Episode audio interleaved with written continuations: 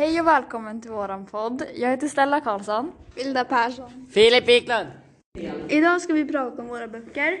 Vi har läst tre olika och vi ska prata om dem var för sig. Min bok heter Syndabocken. Min detektiv heter Emma och i hennes grannes hus hittade en städerska en död pojke.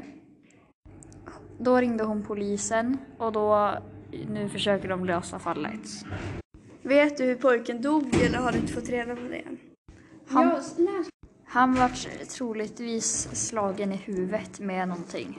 Hur hittades pojken av städerskan eller? Städerskan började alltid städa på nedervåningen och då när hon kom upp till övervåningen så se- såg hon att hon, han låg där i trappen och typ dog.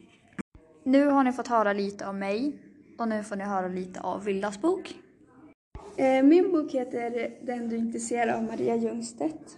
I början av boken så handlar det om att ett vuxet kompisgäng ska på en fest och så, ja. En stund in på festen så började en av tjej... så började tjej, en av tjejerna dansa med en annan kille än sin egna. Och så var hennes kille sur för att alla hade ju druckit lite mycket och så. Killen hon dansade med började ta på henne på ett sexuellt sätt och hennes kille som hon var tillsammans med såg det och var sur. Han tog tag i henne och drog med henne ut. Och där ute så började de bråka och tjafsa. Eh, det, det började med att hon rev till han och slog han. Sen gav han henne en örfil och hon sprang in till de andra. Efter det så åkte de hem och allt och de sov i samma, samma säng och hon försökte att inte röra han. Morgonen efter så tänkte hon och hennes hund gå ut på promenad efter stranden som hon alltid brukar göra. Den morgonen var det ganska kallt och dimmigt och hon hade hennes hund utan koppel för att den var ganska lydig. Hon såg därför inte hunden. Hon såg därför inte sin hund och efter ett tag så ropade hon och ropade.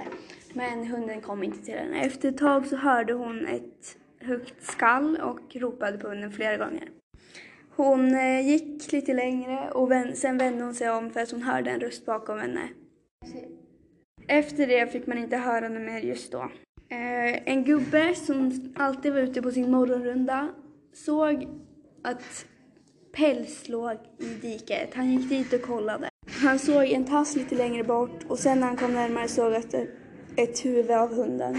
Han eh, gick lite längre fram och såg en naken kvinna med trosorna i munnen. Han såg på både hunden och kvinnan att de hade fått hugg av en yxa.